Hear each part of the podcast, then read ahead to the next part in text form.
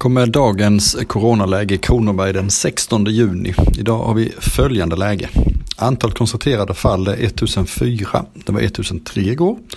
Antalet inlagda är 22. Det var 20 igår.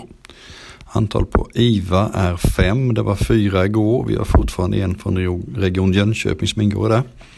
Antalet avlidna är 85. Det var 84 igår. Bara ett nytt konstaterat fall sista dygnet. Det var väldigt länge sedan det inträffade. Vi ska väl inte dra för stora växlar av detta den enstaka dag, men ändå. Tyvärr ökar vi antalet, antalet inneliggande och på IVA, men det kommer alltid gå lite upp och ner på dagsbasis. Eh, vi är fortfarande tacksamma för de låga siffrorna. Vi är nu igång med testning av PO-grupp 3. Vi börjar planera för grupp 4 och samtidigt ska vi också få igång antikroppstestning. Där får vi invänta lite riktlinjer från Folkhälsomyndigheten först bara. Idag har den moderata gruppen fått en lång information från mig och vår projektledare kring projektet med nytt akutsjukhus. Och efter allt som händer på Ljungby lasarett så blir jag än mer övertygad om att detta är rätt väg att gå. Man kan inte bygga om, bygga till och renovera hur mycket som helst.